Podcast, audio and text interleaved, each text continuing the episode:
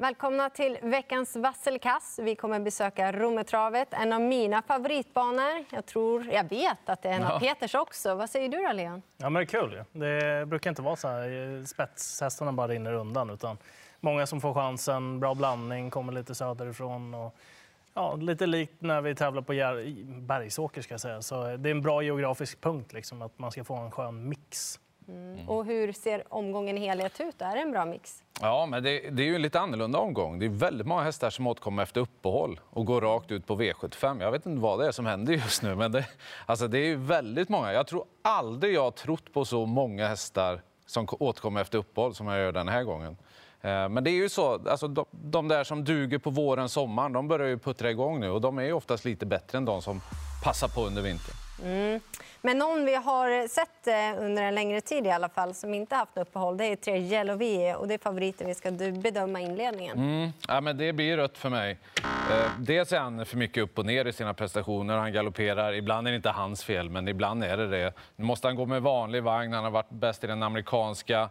Och här har vi ju hästar efter uppehåll. Och jag ska eh, säga en av dem och det är nio Castor Star. Den, den tycker jag känns riktigt spännande mot de här hästarna.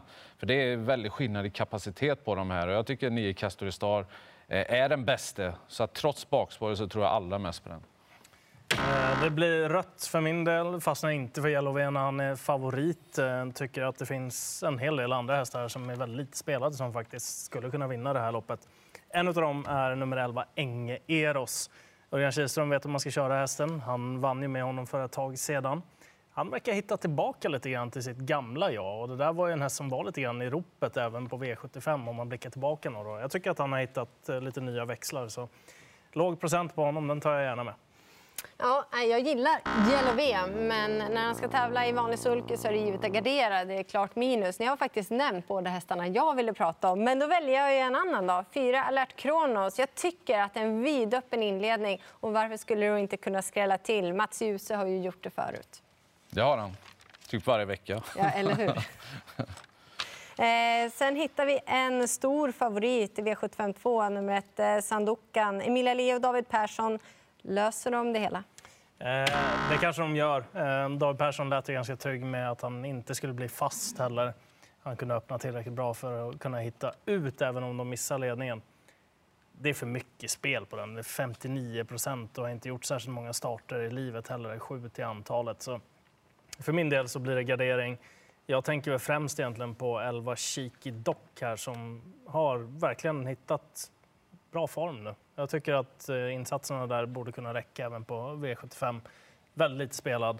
Och sen har vi ju tre Saltan Det är ju svårt liksom att inte ta med en sån eh, också när den har så bra eh, läge. Men framförallt en 11 Cheeky Dock där i om vi pratar om singelprocentarna. Mm, ja, men precis. Det blir ju rött, inte för att det inte är bästa hästen, för det är ju verkligen Sandoka, men det är ju orutinen. Innespår, det har fällt ja, mer rutinerade, mer stabila hästar än den här. Så jag vågar inte gå på honom för mycket spel. Det är ju därför man trycker rött också. Och sen är det första över lång distans. Det borde fungera väldigt bra, men fortsatt ändå osynad. Givet är ju att eh, tre Sultan Si är eh, första utmanare. Eh, om man vill ha någon riktig skräll, då tar jag sju Max Lane. Andra amerikansk sulky, Peter Norman, har fin stallform. Sen får man se hur man kommer till och sen är det lång distans. Men efter lite strul då, eh, grusmaskineriet, så har han kommit tillbaka och kommer med seger.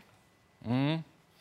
Eh, det blir rött för mig också på Sandokan. Det är ju helt enkelt orutinen där. Innespår bakom bilen. Det är, verkligen ska inte underskattas hur det kan ställa till det för hästar ibland. Och Ja, eh, det, det, tycker jag inte man kan ha riktigt på en så stor favorit. Eh, de faktorerna.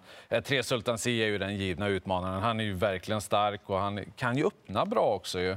Så att skulle favoriten komma bort på något vis och Sultan Si kommer till ledningen, ja, men då ser det ju väldigt bra ut för den.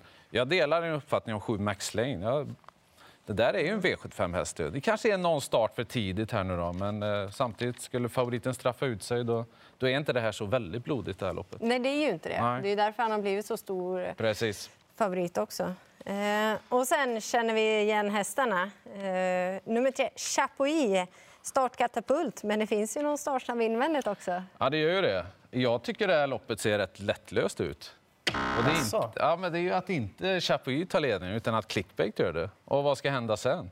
Här kommer ju en häst som, alltså han tillhör ju typ eh, världseliten bland sprinters. Han har ju, var ändå i ledningen rätt så länge i Elitloppet. Och här ska de ta sig förbi honom från början, det tror jag inte de kan. Och att de ska ta, ta sig förbi honom till slut, det tror jag inte heller de kan. Så att, det är ju en spik för mig, Clickbait. Men är är du väl- helt säker med skor då? Ja, det var det jag tänkte Ja. säga. Eftersom alla andra måste ha det. Tänker så du? Ja. Ja, det blir ingen spik på clickbait för min del, men han ska med på lappen. Det kan lika gärna vara så att han ja, inte orkar sista 200 metrarna, typ eh, ja, skor eller avsaknad av lopp. Sådär. Han har ju dock varit ganska bra när han har kommit tillbaka tidigare, ska man också säga. Men det har varit barfota också. Det är en, en viktig del för min del i alla fall. Eh, fyra Seismic Wave. Det är ju en amerikan i botten. Han har nog tävlat mycket med skor på andra sidan Atlanten. Jag tycker att Andreas Lövdahl sa det väldigt bra där, att fräschören har blivit bättre på honom. Han är nästan alltid bra i sina comebacklopp. Han var väldigt duktig i fjol. Då var han tvåa bakom Hail Mary på Rättvik. Och sen tycker jag att det är givet också att ha med 6-4 Guys Dream. Jag känner nog kanske att den ska vara favoritloppet ändå. Mm, ja, men då är vi eniga i alla fall. Äh, men det blir rött. Eh, Jag tror inte att tre Chapuis tar sig förbi ett clickbait, men det innebär körning. Och då gynnar ju det nummer sex, Four Guy Stream. Det som också gynnar Four Guy Stream är att han trivs med skor på hovarna och att fältet nu bara har nio deltagare. Han kan ta det lite lugnt och låta de andra köra och sen är det ett så pass långt upplopp på Romme att han hinner fram i tid. Det får du hoppas på. Det hoppas jag. Jag hoppas även att min vinnare här hinner fram i tid. Eh, Jaha. Men favorit att bedöma det är sju Kavaleren. Han är väldigt, väldigt bra. Ska du du börja då? börja när du gör sådär. Ja, men det blir ändå rött. Eh, Jag tycker att eh, det fanns ändå förklaringar till galoppen senast. Det var tappsko och diverse saker. Men han har haft lite strul med stilen. Jag är inte säker på att han kommer till ledningen. Och nu är det inte Mats Djuse i sulken heller. Det finns en häst som höjer sig utöver det vanliga och då vet ni vem jag pratar om. Technojärven. Precis, nummer 13, som får Ulf Olsson i sulken den här gången. Jag säger inte att det är plus, för Jimmy Jonsson känner honom eh, bäst. Men Ulf Olsson är väldigt stabil bakom kallblod och han kommer utan förutfattade meningar. Det blir som ett blankt papper han får framför sig. Han borde kunna lösa det hela. Gör man verkligen så? Jo, men det gör man ändå. Han vet ju inte vad han kan förvänta sig. Visst, han vet väl vad du har sett och kanske lite mer. Men ändå så är det inga förutfattade meningar. Plus att Alf Jonsson, Jimmy Jonsson, jag har sån stort förtroende på de här grabbarna. De vet vad de gör när han startar igen nu. Han kändes superfin. Han kändes perfekt efter galoppen senast och han slipper ju bilstart. Han vinner ju det här om han inte galopperar. Ska jag trycka först då? Du Ja, det verkar göra. vackla Ja. lite. Jag kommer faktiskt trycka grönt på kavaleren. Eh, spännande läge. Hittar han ledningen så tror jag ändå att han är ganska svårslagen i den positionen. Det är ju om nummer 13, Technojärven, tänker gå felfritt eller inte. Så jag nöjer mig nog med tre streck i den här avdelningen. Ganska tråkigt, men det är hästarna 7, 13 och 11. Mm. Nej, jag undviker att ta ställning i de här kallblodsloppen. Jag hamnar inte rätt på dem helt enkelt. Kavaljeren Kavaleren får rött. Jag, jag tycker de är så bra de på tillägg där så att han, kan få eller han kommer att få problem med dem. Dels då med Technojärven, men sen också 14 Oppgårdssträngen. Det låter ju väldigt bra därifrån ju. Han är ju riktigt hög kapacitet där nästan. Han är lite ny mot de här lite äldre och sådär, men eh, samtidigt jag ser fram emot eh, hans insats här. Jag tror att den kommer vara riktigt bra faktiskt. V755, fyra Mare Streamboy. Bättre distans nu, säger Jörgen Westholm. Vad säger ni? Nej, för min del blir det rött här. Jag tycker han är för mycket spelad. Han kommer säkert göra en bättre insats än vad han gjorde på Bergsåker där. Men 5 Hell Patrol, den var ruskigt bra i Norge i den senaste starten. Öppnade jättebra den gången också. Nu är det kanske lite snabbare hästar med här än vad det var senast, men fortfarande den insatsen tror jag räcker en bit i det här gänget. 7 Titan Yoda ska definitivt med och nummer 12 Certainly som verkligen älskar distansen. Mm. Eh, jag är lite förvånad att han är så stor favorit, Mars Dreamboy, faktiskt. För det är ju, det är ju rätt bra hästar med här. Och, eh, ja, du har nämnt intressanta hästar. Jag säger tre Chimere Quattro. Den, den tänkte du nämna. Den tror jag klart mest på. Eh, jag går väldigt mycket på lägena här. De känns jämna hästarna, var de ligger formmässigt och så vidare. Tre Chimere Quattro, Magnus Djuse i vagnen, bra läge. Eh, De invändigt eh, tror jag inte tar, tar emot och de utvändigt kan inte ta sig förbi. Så att jag tror att han kan eh, få bestämma tempot i ledningen. Nej, men Mario Strindberg, han var ju ändå inte helt eh, toppnöjd med honom senast och nu ska banan vara bättre och så. Men ingen jag vågar gå på för det finns så många mer spännande eh, hästar med i fältet. Men ni har nämnt dem, så vi bläddrar vidare. Säg en då. ja, men det är Kimi de Quattro nummer tre, sju till Tanjoda. Broberg, springspår, 6 Bird Lane. Det är kort distans. Voltstart. Alltså, jag, jag velar lite grann, men och när jag velar då trycker jag rött. För det är så här att Det är... ganska smart. Ah, exakt, det är lite fegt.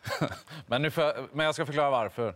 Eh, Blir det någon omstart eller blir någonting, hon är lite stökig den hästen. Och du vet när de ska vända upp och det, alltså det är kort distans voltstart. Det, det finns inte, man har inte råd med något strula liksom. Så att, Eh, därför får hon rött. Alltså hon skulle kunna vinna här från ledningen eller utvändig ledaren. Så bra är hon. Tre Livy Princess HM. Vilken stallform han har, Sven-Åke Eriksson. Han har gått jättebra hästarna här en längre tid. Och hon är ju snabb iväg. Eh, jättebra avslutning senast, fick ju chansen sent. då. Eh, den där, ja, den måste med helt enkelt. Mm, ja, men jag trycker rött där. Jag tycker öppet. Men jag tycker inte man ska göra det lätt för sig. Det är inte bara för att det är kort distans man plockar de hästar med bra startspår. Jag tror ändå man kan komma tillbaka ifrån. Framförallt 10 biowinner Emilia Leo. Går hon felfritt så kommer hon gå tufft snabbt sista biten. Ja, eh, min idé i det här loppet har tyvärr blivit struken, Iceland Radio. Så eh, här kommer det bli att tänka om. 11 Benita Winner, en annan winner, eh, har ju varit väldigt bra. Och det är också en häst som förtjänar att fortsätta få framgångar på V75. Jag tycker att den har tillräcklig kvalitet. Sen det här loppet kommer bli väldigt lurigt. Sex Bird Lane, ja den kanske är spetsfavorit, men fem Samaritana är väl kanske den bästa hästen, men den kommer tappa från start också brukar inte gå iväg särskilt fort i voltstart i alla fall. Och när det är 1600 meter, ja, det känns lurigt. Kanske ett Saligel från ledarryggen. Kortdistanser även i avslutningen. Favorit 10 Friend of Elves. Jag trycker rött. Jag, han ska vara betrodd, men det är bakspår, kortdistans, det kan bli körning. Han kan absolut vinna, men det kan vem som helst här känns som. Jag tycker det är en ruggigt svår avslutning. Följ upp nummer tre, Dynamite Sensation. Det blir eventuellt eh, ändring på huvudlaget där. Mm. Eh, Det fastnade jag definitivt mest för. Nummer tre, Dynamite Sensation. Var ju stor favorit på V75 för ett tag sedan. Och det blir många som släpper han på grund av att han galopperar. Spelprocenten är väldigt rimlig. Blir det nytt huvudlag på honom, då kan jag tänka mig spika honom. Faktiskt. Ja, och det skulle vara amerikansk vagn också va? Ja, ja. Ja, Men det är det- ju inte nytt. Nej, eh, jämfört Nytt med senast gammalt. bara. Gammalt. ja, jag Vi ska förstår, bara förstår. förtydliga, det är helt stängt huvudlag de funderar på att sätta på. Mm. Ja, men den är ju jätteintressant. Eh, Friend of Elves. Jag är lite förvånad att den är favorit i bakspår, kort distans. Eh, Det är inte så enkelt. Dynamite Sensation känns ju jätteintressant. Eh, Med de ändringarna också. Och hela omgången känns intressant. Titta hur rött det här var. Eh, snabbt då, bästa spiken. Som det är just nu tänker jag spika tre Dynamite Sensation i avslutningen. Om det blir helt stängt huvudlag på. Ja, Och jag tar Technojärven. Där har ni våra tankar och idéer. Hoppas ni får sju rätt. Lycka till!